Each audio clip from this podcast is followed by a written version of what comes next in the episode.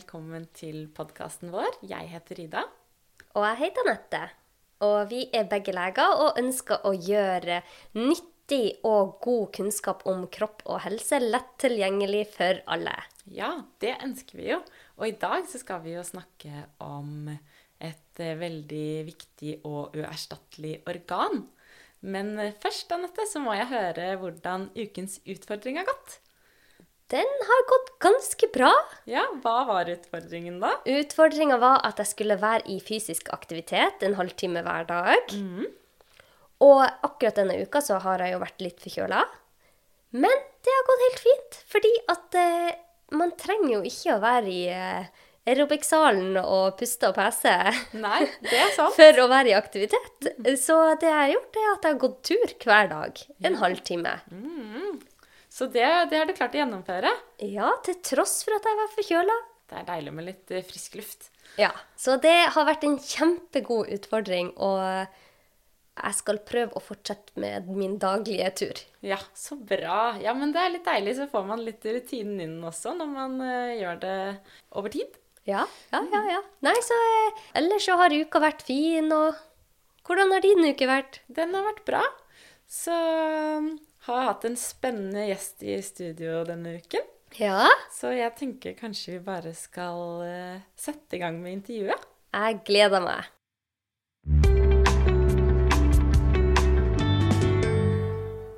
I dag er temaet hjernen, og vi har vært så heldige å få besøk av Thomas Myklebust, som er psykolog og spesialist i klinisk nevropsykologi. Han er tidligere utdannet pedagog og kjent for å formidle kunnskap om hjernen og hjerneforskning på en engasjerende og lettfattelig måte. Thomas har tidligere jobbet ved klinikk for nevrofag ved Ullevål universitetssykehus, og har lang erfaring som mentaltrener for både toppidrettsutøvere og for ledere og ansatte i næringslivet. Og nylig flyttet Thomas til Sunnmøre og jobber nå som kommunepsykolog for tre kommuner. Så du har altså en veldig spennende og variert bakgrunn, så velkommen til oss, Thomas. Det er veldig hyggelig å ha deg her. Tusen takk, Ida. Veldig hyggelig å være her. Og tusen takk for en veldig fin introduksjon. Ja, det, den er en imponerende introduksjon. Det er veldig hyggelig å være her, altså. Veldig glad for invitasjonen. Ja, så jeg tenkte at vi bare skal gå rett på sak, og jeg er veldig nysgjerrig på til å være et så viktig organ, så har vi jo lenge hatt forbausende lite kunnskap om hvordan hjernen fungerer, og hvilken grad hjernen påvirkes av hvordan vi lever livene våre. Og moderne forskning har nå gitt oss spennende innsikt i en del av disse mysteriene. Men hva vil du si har vært det største gjennombruddet i nyere hjerneforskning de siste årene? Det er jo summen av all den fantastiske forskninga som blir gjort hver eneste dag innenfor hjerneforskningsfeltet, som, som faktisk bidrar til den eventyrlige kunnskapen vi, vi har i dag. Men det her er kompliserte system som vi egentlig har fått en ganske stor forståelse av, men, men vi ser jo også det at til mer vi forstår, til mer komplisert begynner vi å forstå at det faktisk er. Det ene henger sammen med det andre, og, og alt dette her. Sånn at det, det er liksom en, en Det er grunn til å ha litt nøkternhet i forhold til eh, hvor mye nevrovitenskapen på det nåværende tidspunktet kan bidra til i forhold til å, å forklare alt som foregår i hjernen. Mm, absolutt. Og ja, som du sier, det er jo en større sammenheng her, og alt henger sammen og påvirker hverandre, så man må også se det store bildet. Men forskning har jo vist at hjernen vår er i konstant eh, forandring, og det finnes jo noe som heter neuroplastisitet. Kan du forklare litt hva dette er? Ja, og det, akkurat dette ordet nevroplastisitet, det, det var jo faktisk fristende å trekke det fram eh, i forbindelse med det forrige spørsmålet ditt. Hva er det største gjennombruddet? Fordi at nevroplastisitet, for å ta det først, da, det er jo egentlig bare et navn på de prosessene som egentlig skjer i hjernen vår hele tida. Altså fordi at hjernen vår endrer seg fysisk hele tida, fra dag til dag, eh, til og med fra sekund til sekund. Og det det egentlig handler om, det er jo det at mens man tidligere trodde før at hjernen egentlig utvikla seg bare mens vi var små, eh, førskolealder gjerne, og kanskje opp til 10-12 års alder, og etter det så var hjernen eh, satt. Da, da var ikke det noe mer å tenke på, da, da var vi der vi kom til å være resten av livet. Eh, I forhold til hvordan hjernen var organisert og, og jobba. Men nå vet jo vi det at eh, hjernen lager stadig nye kretsløp. Den, den inngår nye forbindelser. Den eh, kvitter seg med forbindelser som ikke det har vært bruk for på en stund. Og vi har jo også sett det at selv etter relativt store hjerneskader, så kan man faktisk trene opp igjen funksjonen, selv om det området som tidligere styrte den funksjonen, er totalt ødelagt. Mm, ja. Men for å svare kort på spørsmålet ditt, så er nevroplastisitet egentlig den Det som fysisk skjer i, endre, i hjernen vår eh, hele tida, i takt med at vi endrer oss. Og en metafor i forhold til det som kanskje gjør det litt lettere å skjønne hva jeg snakker om, det er jo eh, for de av oss som kanskje har drista seg innom eh, treningssenter av og til for å kanskje bygge litt mer muskler og endre kroppsfasong eller slanke seg, eller hva det nå enn er som er motivasjonen, så vet jo man at det er fullt mulig å få til. Det krever litt energi, og det krever litt innsats. Mm. Kanskje ikke bare litt, men Nei, eh, en del. men hvis man går inn for det og jobber for det, så kan man endre kroppsfasong nesten til det utrolige. Det er nesten ikke til å tro eh, enkelte man ser som går fra 200 kilo til, eh, til toppidrettsutøver. Det er ikke så mange som gjør det, da, hvis noen. nei. Men det går an. Og så den andre veien. Det går an å legge på seg. Det er kanskje det enkleste, da. Å Ja, ja. å- å bli usunn, og, og kroppen endrer form og fasong. Men som de fleste av oss vet, så tar det tid, og man må være bevisst på hvordan man bruker kroppen, og hva man gjør, for å påvirke den endringa. Og sånn er det med hjernen vår også. Så ved å være litt bevisst på hvordan vi bruker hodet og hjernen, så kan vi også være med å påvirke hvordan den former seg, og hvordan den fungerer. Ja. ja, og det er så interessant, det der. Og eh, det at vi selv kan påvirke hjernen. Men, men hvordan kan vi eh, påvirke da hjernen vår, og i hvor stor grad kan vi påvirke den? Ja, og det er jo et tema som er åpen for diskusjon fortsatt. Eh, Det er forska veldig mye på det, men eh, vi kan påvirke den eh, ganske mye, og, og egentlig hele livet, i, i motsetning til hva man trodde før. Sjøl etter at man er blitt eh, godt voksen, eh, langt opp i 80-90-åra, så kan man påvirke disse prosessene og holde hjernen aktiv og holde hjernen i, i beredskap og endre den. Og det mest dramatiske eksempelet er jo kanskje fra forskninga på hjerneskadde, der man ser folk som har hatt svulst eller hjerneslag eller skader hjernen på andre måter, der veldig store deler av hjernen er borte. Og, og man tenker av og til når man ser noen av disse her bildene, at dette her kan jo Altså her er vi med ganske store skader resten av livet å gjøre. Og så ser man likevel med iherdig innsats og trening og rehabilitering at man kan gjenvinne et verdifullt liv, og veldig mange av de funksjonene som man tidligere antok var, var helt borte.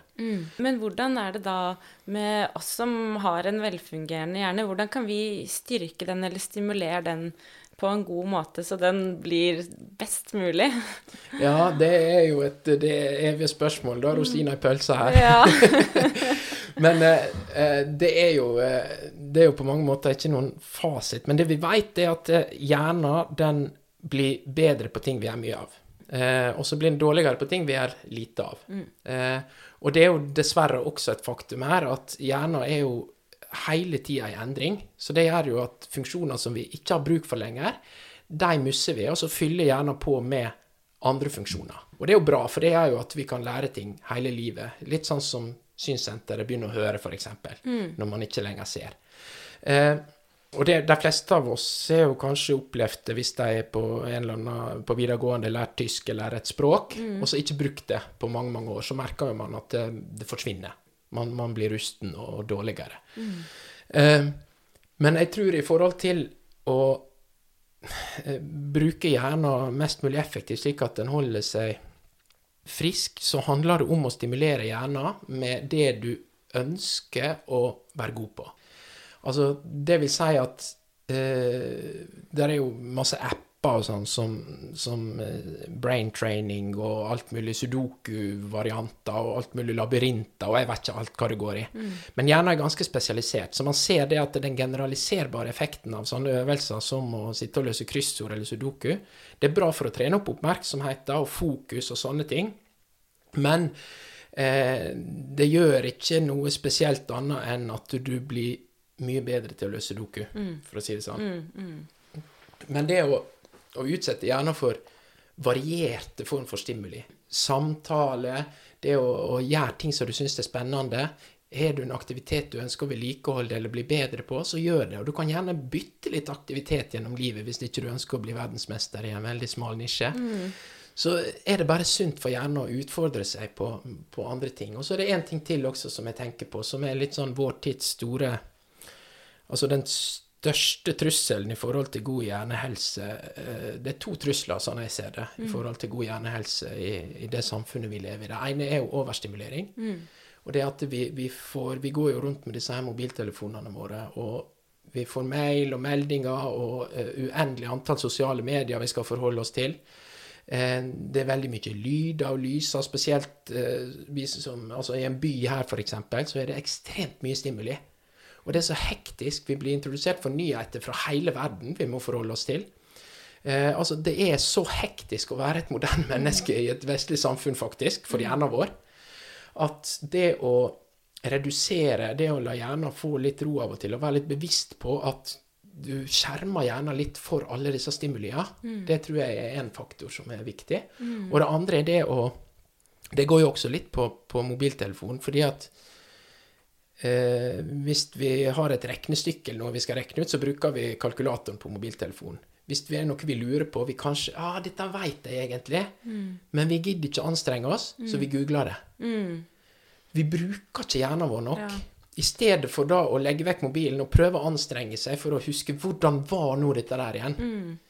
Eh, så det er kanskje min sterkeste oppfordring. Det er prøv å anstrenge deg Ja. litt ekstra i forhold til å hente fram den informasjonen som, som er der. Eller kanskje ikke er der, men da har du i hvert fall prøvd å hente det fram. Og det er en ekstremt god måte å bruke hjernen på. Mm, ja, det der skal jeg ta med meg. Det er fort gjort å finne fram både kalkulator og Google når man skal et eller annet. Så det, det, neste gang så skal jeg virkelig prøve å bruke hjernen min ordentlig. Ja, så bra. ja.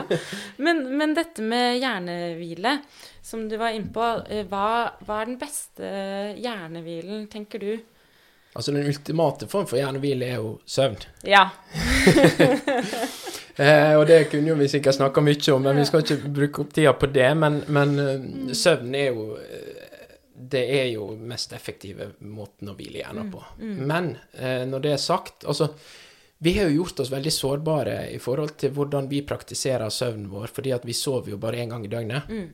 Eh, og det gjør jo Har vi ei dårlig natt, da, så har vi jo på mange måter ødelagt eh, hjernen sitt, sitt rom eller mulighet for å hvile det døgnet. Sånn at det å være litt bevisst på at det er også andre måter å hvile hjernen på i løpet av dagen, det tror jeg er litt nyttig. Og um, altså Hva er disse måtene å hvile hjernen på da, i løpet av dagen? Nei, altså der er jo veldig mange måter. Det, det, det kanskje det enkleste er å være litt bevisst på å ta litt pause. Eh, altså der man kikker vekk fra skjermen, man går seg en runde rundt kvartalet på jobb. Eh, man, man eh, kanskje til og med leser ei avis, eller kobler av. Det er ikke nødvendig å legge seg ned og, og sove tungt uh, for å hvile hjernen. Uh, og så er det jo meditasjon, pusteøvelser, yoga som har vist seg eh, å være vel så effektive ofte som en totimers middagslur, faktisk, i forhold til å koble ut hjernen og hvile hjernen. Men det er jo, det er jo sånn da at hjernen, den Altså, når vi stimulerer hjernen, så, så blir jo den overbelasta ganske fort. Eh, og måten vi lærer nye ting, eller husker nye ting, eller unngår å, å gå distré gjennom hverdagen, f.eks., det er å ta oss tid til å tenke igjennom hva er det jeg akkurat har sittet og gjort nå, eller hva er det jeg skulle Hva er det jeg prøver på her, eller eh, hva er det jeg skal huske på butikken når jeg eh, skal dit etterpå. Så det handler jo om noe som vi på fagspråk kaller for konsolidering. Det er å la hjernen få tid til å tenke gjennom hva er det egentlig jeg La den få tid til å absorbere, da, alt det som vi utsetter hjernen for i løpet av en dag. Og det gjør vi aller best når vi sover, men vi gjør det også godt når vi bare tar en femminutts pusteøvelse. Vi gjør det kjempefint når vi legger oss ned og mediterer litt, f.eks. Eh, gå en tur i skogen, eller til og med når vi eh, låser døra bak oss og går på do. Ja.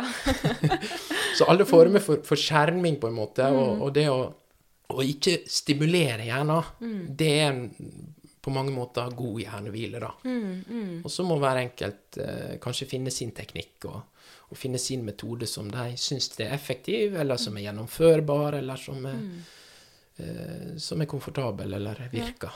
Ja, ikke sant. Så til og med bare å ta en litt eh, lang eh, dopause, det, det, det funker, det Ja, ja, og det er faktisk Man skal ikke kimse av det, Nei, altså, nei. fordi at eh, på do der får man stort sett være i fred. Ja, ikke sant? Så hvis man eh, Jeg må ærlig innrømme, jeg bruker det ofte sjøl i en hektisk eh, hverdag. Hvis jeg kjenner at nå koker det litt for mye, Mm. Så går jeg inn på do, låser døra, legger ned dolokket, og så sitter jeg rett og slett der og puster litt. Og så får jeg igjen oversikta, og så kan jeg sprudle ut igjen og, og Ja. være klar for nye oppgaver. Ja, det er kjempegodt tips, syns jeg. Så. Men hva Nå har vi vært eh, litt innpå hva vi kan gjøre som er godt for hjernen vår, men hva er skadelig for hjernen vår? Ja, det er jo, det er jo sånn at uh, man trenger jo bare å kjøpe dagens Dagblad eller VG, så står det jo et eller annet som er skadelig for hjernen. Ja. Men, uh, men altså, jeg tror nok at det viktigste er å Det er jo mye som er skadelig, og det er jo på mange måter det samme som som, eh, som man, eh, man ser i forhold til hvis man ønsker å opprettholde en god helse for øvrig, så, så er det jo det å spise sunt, og det er jo klart det at uh, usunn, ensidig kosthold det er jo ikke bra. Eh, alkohol, det er studier som tyder på at alkohol i små mengder faktisk kan være sunt for hjernen. Eh, nå må ikke dette bli en sovepute for de som kanskje gjøre noe med alkoholforbruket sitt, fordi at det, i moderate mengder så, så ser det ut til at Og det er veldig moderate mengder, da. Så Ja. ser det ut til at det kan ha en helsegevinst for enkelte. Men, eh, men stort sett så er alkohol er jo en, en eh, gift som, som eh, Så store mengder alkohol og jevnlig forbruk, f.eks. et eh, det drikkemønsteret vi praktiserer her i, i Norge og i Skandinavia, som er litt sånn der vi er avholdende i ukedagene gjerne, og så tar vi oss en fest i helga. Mm. Det som amerikanerne kaller for binge drinking. ja. Eh, Det ser ut til å være spesielt ugunstig for hjernen. Faktisk mer ugunstig enn å ta seg et glass rødvin hver dag. Så denne her eh, ja, Hva vi kaller det på norsk, da? Grisfylla, eller? ja. Altså, Ja, er den, er, den er veldig uheldig, så prøv å altså Hvis man skal gi et konkret råd i forhold til det, så prøv å ikke gjøre det for ofte, i hvert fall. Mm, ja, for alkohol det undertrykker jo rem-søvnen vår. Mm. Sånn at det, det er i hvert fall opp til hvis du drikker over en viss mengde, da. Ja. Så er det jo dette med stress og Mm. Ja. Det er jo egentlig det som de fleste vil merke er uheldig. Altså, jeg tror de fleste har en slags bevissthet omkring dette her også, at altså ting som stress, ting som å gå rundt over lengre perioder og ikke ha det bra, mm. er jo generelt dårlig for hjernen. Passivitet er jo veldig dårlig for hjernen. Det er jo sånn som passivitet for kroppen også. Og det koster jo energi å bruke På samme måte som det koster energi å gå på et treningssenter, eller gå en tur, eller eh, hva slags nivå man ligger på i forhold til trening, så, så er det denne dørstokkmila. Men sånn er det faktisk med hjernen vår også. Det koster krefter å bruke hjernen og anstrenge seg for å tenke og anstrenge seg for å løse oppgaver i stedet for å få noen andre til å gjøre det, eller bruke mobiltelefon, eller Men denne anstrengelsen, det å ta denne anstrengelsen i å bruke hjernen litt og stimulere hjernen, og ikke minst tenke, ikke bare eh, ty til lettvinte hjelpemidler når vi står fast, f.eks., det har jeg veldig tro på, da. For det er et, eh, bare å være litt bevisst på det, at vi faktisk bruker hjernen vår litt mer i, i hverdagen. Mm, mm, ja, det er vel derfor det føles så deilig å bare google det fort, så slipper man å bruke masse energi på å hente fram og bruke hjernen, da. Men det, det er jo bra for oss, så Ja, absolutt. bort med Google. Eh, Men vi, vi mennesker, vi er jo sosiale vesener, og vi er jo ikke skapt for å være alene. Men hvordan påvirker denne ensomheten, som kanskje mange kjenner på nå under pandemien, oss og, og hjernen vår? Er, ser, vi noe, ser vi noe mm, rundt dette i hjernen vår? Ja, man ser jo det. Altså, nå er jo ensomhet et, eh, på lik linje med angst og depresjon under pandemien og begynner å bli, bli brukt veldig mye. Eh, fordi at jeg tror nok at det er forskjell på ensomhet, og de som virkelig, virkelig er ensomme i livet, som virkelig ikke har noen, det er en, det er en ganske smertefull tilværelse. Eh, sånn at den ensomheten som kanskje noen av oss kjenner på, som Altså for de av oss som har et nettverk, men som ikke får brukt det kanskje i like stor grad, eh, som, som sitter kanskje hjemme, det er en annen form for ensomhet, for det er ikke en sånn fundamental ensomhet som en god del mennesker i samfunnet faktisk kjenner på. Sånn at man skal ha litt respekt for det at, at det er forskjellige grader av ensomhet. Ja. Eh, og det å ikke ha noen i livet sitt, en slags fundamental ensomhet, eh, den er, den er mye mer brutal enn en det som skyldes de innskrenkningene som, som kanskje vi har fått tredd litt nedover hodet på oss. Men det er klart det at det at vi har fått innskrenkninger, det at vi har vi er i mindre grad eh, sosialt aktive, vi, vi har færre arenaer å, å bruke oss sjøl på. Eh, vi bruker eh, mye mer tid på familien. Det kan, være, det kan jo være en positiv ting, men det også kan bli for mye av det gode, og det kan gli over i det negative. Sånn at hele tilværelsen vår har jo på mange måter endra seg eh, på grunn av eh, egentlig tiltakene som er et resultat av pandemien. Eh, men det vil jo igjen påvirke hvordan vi oppfører oss, naturligvis. Og som vi var inne på tidligere, så vil hvordan vi oppfører oss, det vil påvirke hjernen vår, og hvordan den fungerer.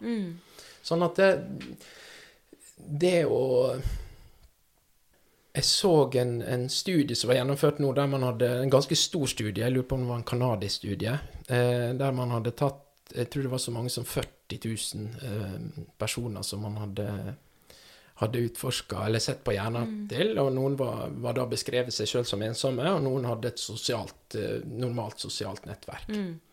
Og da så jo man at det var ganske store forskjeller i hjernen deres.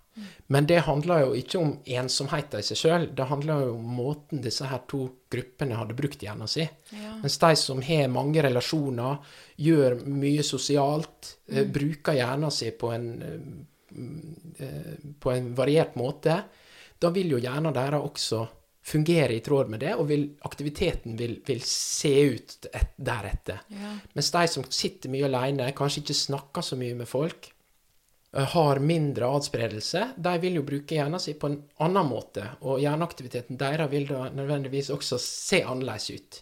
Sånn at det, det er jo litt sånn Det er ikke noen overraskelse da at hjernene våre ser annerledes ut, men også med tanke på det jeg det som vi var litt inne på i samtalen tidligere, hvor mye går an å påvirke hjernen. Dette er ting som går an å trene opp igjen. Men det kan jo vi være litt bevisste på nå, da, eh, under denne pandemien, at vi må nok bruke litt energi på å, å få tilbake sjøltilliten på, på det å opptre på sosiale arenaer Ja, ja. av oss. Absolutt. Ja, ja for hva, hva tenker du kommer til å være en av de største utfordringene nå, når vi alle ønsker å komme tilbake til normalen, eller en ny normal, da? Men hva tror du kommer til å bli da kanskje den største utfordringen for oss nå, siden vi kanskje har gått litt mer over i en litt mer passiv tilstand? Mm. Ja, det blir jo litt å prøve å kikke litt i krystallkuler, da, for det er jo nytt for oss, eh, Ja. alle dette her med en pandemi og, Ja, og alle de tiltakene vi lever under. Men, men jeg tenker jo generelt, altså Et fenomen jeg har sett, er jo det at Og dette her er jo eh, også et fenomen som jeg har vært litt oppmerksom på før pandemien, at det er når man begynner å ta defensive grep i livet sitt, der man der man eh, ofte på grunn av at det skjer noe som gjør at man, man kanskje tar et steg tilbake i forhold til den, den sedvanlige livsførselen sin. Enten sykdom, eller at man mister noen man er glad i, eller, eh, eller det kan være forskjellige grunner. Man mister jobben, eller Men hvis, hvis disse her eh, passive grepa bare får lov til å falle innover av seg sjøl, så ender man opp med at plutselig så blir det tungt og vanskelig å, å komme seg tilbake på jobb igjen. Eh, Det kan bli tungt bare å komme seg i butikken og handle, og til slutt så er man på et sted der bare det å komme seg ut av senga blir nesten uoverkommelig. Sånn at med en gang man tar et passivt grep, eller flere passive grep i forhold til livet sitt, så må man også belage seg på at det vil koste energi å ta aktive grep igjen og bygge seg inn igjen. Eh, og jeg tror jo det at en del av oss har jo blitt tvungne nå, eller alle er egentlig tvungne til å trekke seg litt tilbake, ta passive grep i forhold til sosialt, jobb, heimekontor.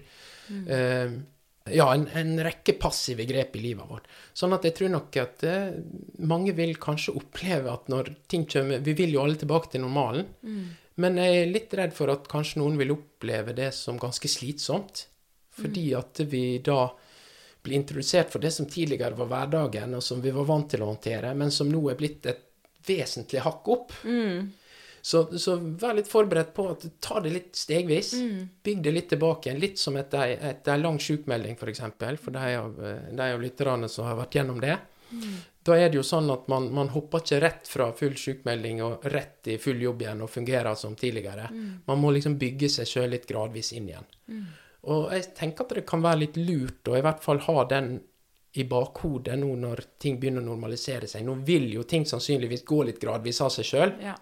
Men vær litt innstilt på at det, det kan være noen som får seg en liten overraskelse over at de faktisk blir litt slitne av ting som de tok litt for gitt sjøl. Men ikke fortsett å utfordre dere. Altså ikke legg heller inn litt ekstra hvile og, og hent det inn igjen, men, men vær litt bevisst på at du må vi må bygge oss sjøl litt tilbake igjen, litt gradvis, da. Mm, mm, ja, det er veldig, veldig godt råd. Eh, og, og, nå under pandemien, eh, hvordan kan vi best eh, håndtere den situasjonen vi er i, og hvordan kan vi passe på vår mentale helse oppi alt dette her? Har du noen konkrete råd der òg? Ja Altså, jeg tenker jo at det, det, det, viktigste grepet er jo litt det som vi var inne på nå nettopp, at det her med å motvirke passivitet. Mm. Eh, for den passiviteten, den er jo Det er jo sånn at man sa jo i gamle dager at lediggang var rota til alt vondt. Ja. Men det er noe i det, fordi at den passiviteten, det, det er jo sånn eh, Ofte så Det er jo deilig å tenke at åh, nå er det rolig, og nå er det Og, og i perioder så kan det være godt å, å trekke seg litt tilbake igjen, og sunt også. Men det å være litt bevisst på at man ikke faller inn i en sånn døs der man faktisk ender opp med å bli likegyldig. Og det, det er jo fysisk passivitet, f.eks., for eksempel, i forhold til aktivitetsnivået vårt. Eh, mental passivitet. Altså, man sitter hjemme og blir bombardert med nyheter døgnet rundt, og mye koronanyheter og alt mm. dette her, og til slutt så ender man opp med å bli litt sånn likegyldig og nummen. Det, det, det er ikke så farlig lenger, og kanskje man slutter litt å se nyheter, er også et sånt faretegn. Og så er det jo det ultimate i forhold til den emosjonelle, eller no, hvis du merker at du begynner å miste interessen for folk rundt deg, eh, mm. og, og, merker at åh, er det noe vits, og, og, merker litt den følelsen der, det bør være signal til deg sjøl om at da må du faktisk ta et grep, og ikke forvente at den interessen og den, det engasjementet ditt kommer fallende i fanget på deg igjen. Mm. Må, eller vi må ta et aktivt grep i forhold til å, å, å finne det tilbake igjen. Mm. Og det gjør man eh, egentlig gjennom noe vi i psykologien kaller for atferdsaktivering. Altså det å eh, ta noen aktive grep og begynne med små, små skritt.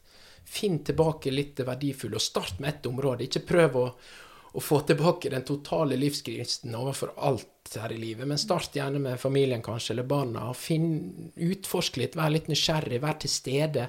Finn ut hva er det som gir meg glede her. Og så er det jo sånn at som ei god bok, altså, eller ei dårlig bok for den saks skyld mm.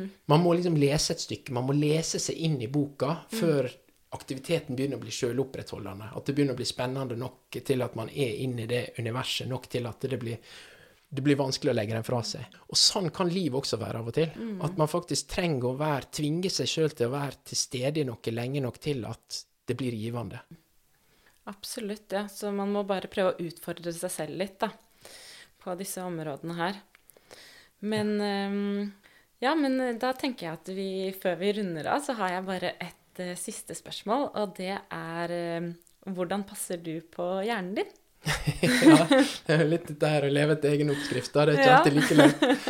Men eh, nei, jeg tror nok det jeg er mest bevisst på, det er å få nok hvile innimellom. For jeg er jo eh, litt sånn som får energi av at det skjer mye rundt meg, og, liker egentlig at kvinnen litt i svingene. Så da må jeg passe litt på at jeg får hvilt litt. Men jeg tror kanskje det mest grunnleggende som jeg prøver å være bevisst på, det er hvordan jeg bruker hjernen til enhver tid. Fordi at jeg snakker jo gjerne ofte om tre forskjellige sorter hjernemoduser. Altså stimuleringsmodusen, mm. konsolideringsmodusen og eh, implementeringsmodusen. Mm. Stimulering det er når jeg skal ha ting inn i hjernen. Mm. Eh, konsolidering er når jeg prøver å få de tingene som jeg har fått inn, til å faktisk bli værende der. Mm. Og implementering det handler om når jeg skal ha det ut igjen. Når jeg trenger å ha bruk for det. Mm.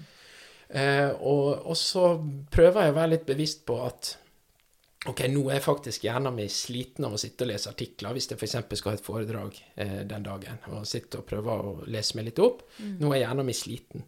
Nå skal jeg faktisk konsolidere litt. Og så tar jeg meg en lang spasertur, og så går jeg bare og reflekterer litt omkring det jeg har lest, eller helt andre ting. Mm. Eh, og så eh, eh, og så stoler jeg litt på at hjernen min faktisk har fått inn en god del ting. Og så merker jeg ofte at ok, da, det er da brikkene faller litt på plass. Og så er det den siste biten som er implementering, og det handler jo egentlig bare om å sette seg sjøl i en tilstand som gjør at du faktisk får tilgang til det som er inni hjernen der. Så, eh, og det handler om å, å få kontroll på nerver, f.eks. Få en ro. Fokus, hva er det som er Rydde litt opp i, i dette her virvaret som av og til melder seg i, i, i hjernen. Altså, hva er det jeg skal fokusere på nå? Hva er det som er det viktigste i forhold til det jeg skal i gang med nå? Den neste oppgaven. Eh, ved å være litt bevisst på disse tre prosessene der, så føler jeg at jeg, jeg har et litt mer eh, får en litt mer dynamisk hverdag, da. Mm. Ja, det kan jeg forstå. Det, de prosessene skal jeg prøve å tenke litt ekstra på også. Det handler jo litt om bevisstgjøring også. At man eh, rett og slett bare blir litt bevisst da, og, og husker på det. Mm, absolutt. Men eh, ja, da vil jeg bare si tusen takk for at du har delt din kunnskap om hjernen og her hos oss. Og det har vært veldig spennende og lærerikt å høre på. Det er flere ting jeg tenker jeg skal prøve å implementere i mitt liv. Og eh, ja, tusen takk for at det tok deg tid. Tusen takk for at jeg fikk komme, Ida. Det var veldig hyggelig å prate med deg. Veldig hyggelig. Ja, hva, hva tenker du om eh, intervjuet? Har du lært noe, lært noe nytt? Dette var kjempeartig å høre på. Veldig spennende. Og jeg biter meg merke i det han snakka om overstimulering av hjernen, fordi at det, det har jeg kjent på så ofte selv. Det er så masse inntrykk, det er så mye på skjerm, det er så mye informasjon du får inn hver eneste dag. Ja, jeg tenker også det, og dette med hjernehvile, da. Bare være litt bevisst på det. Det Gå inn på do og sett deg på ja, dolokket. ja, uten telefonen, vel å merke, da. Jeg syns det var et kjempegodt tips. jeg. Ja, enig. Ja, eh, det, det er viktig, og så er det så lett og jeg merker det i perioder jeg må være mer på skjerm, så er det lettere å gå inn på skjermen òg og sjekke noe. Så når man klarer å legge bort telefonen eller annen type skjerm, så blir man jo mye mer til stede. Og dette er noe jeg har praktisert eh, og prøver fremdeles å praktisere, for man faller jo tilbake. Men jeg prøver å praktisere det å være til stede med barna mine, at jeg legger bort telefonen tida etter barnehagen og skolen. Og da føler jeg òg at hjernen min får hvila. Men det var, jeg synes det var, han har utrolig mye spennende kunnskap, så jeg tror det er mange som kommer til å lære noe nytt av denne episoden. Ja, det håper jeg i hvert fall. Ja, og da har vi kommet til ukens utfordring, i dag. Ja. Å, jeg er spent. Ja, og nå tenkte jeg i Thomas Myklebust sin ånd at vi skulle, eller at du skulle, forsøke å sette vekk mobilen når du hadde noen spørsmål eller eh, mattestykker du trengte å regne ut. Så skulle du heller bruke den gode hjernen din til å finne svaret. Ja, OK. Ja, men det her, det her blir utfordrende. Fordi man tyr fort til Google, merker jeg. Så, men nå skal jeg Ja. Da er det sikkert veldig mye jeg eh, kommer til å frustrere meg over at jeg ikke husker. Men Ja, du skal få lov å google det hvis du ikke har funnet svaret etter én time. ja, OK. ok, En time, ja, men OK. Den er god. Ja, dette her syns jeg var en ordentlig bra utfordring. Jeg må huske på det, da, fordi jeg føler jeg har en slags refleks på Google. Men Ja, ja, ja men man har jo det. ja, ja. Ja, Men kanskje du husker svarene bedre òg når du må tenke deg om. Ja, det ligger jo kanskje baki der et sted, eh, noen av disse svarene. Eller de gjør jo som oftest det. Så jeg skal virkelig prøve å hente, hente fram gammel kunnskap. Så bra, Ida. Dette blir bra. Og jeg skal prøve å henge meg på denne utfordringa selv. For jeg tror det er bra for hjernen. Ja, enig. Så får vi se om vi merker noe forskjell neste uke. Det er jo veldig deilig å tenke på at vi utvikla hjernen Han sa opp i 80-90-årene. Ja, Altså, det er jo fantastisk. Eh, Min farfar han er jo 95, og han sitter fremdeles hver eneste dag og driver og regner ut sånne bridge bridge-greier. Jeg vet, vet ikke helt hva han gjør, men Ja, ja. jeg er sikker på at det er derfor han er så klar i hodet. ja, ikke sant? Og han bruker nok ikke noe kalkulator, han. Han Nei. tar det nok i hodet. Og, så det, det der, det er noe i det, altså. Ja, jeg tror det. Så det er bra. Ja, virkelig. Ja, så jeg tenker det er håp. Vi kan alle utvikle hjernen vår helt til, vi, helt til siste slutt. Helt til siste slutt. Og med det så sier vi takk for oss. Ja, det gjør vi. Så takk for i dag. Hvis dere har noen temaer dere ønsker vi prater om, eller noen tilbakemeldinger, så er det bare å sende oss en mail på legeromlivet at gmail.com. Eh, eller sende oss en melding på Instagram eller Facebook. Ja. Og da ønsker vi deg en kjempefin uke. Det gjør vi, så høres vi igjen. Ha det. Ha det bra.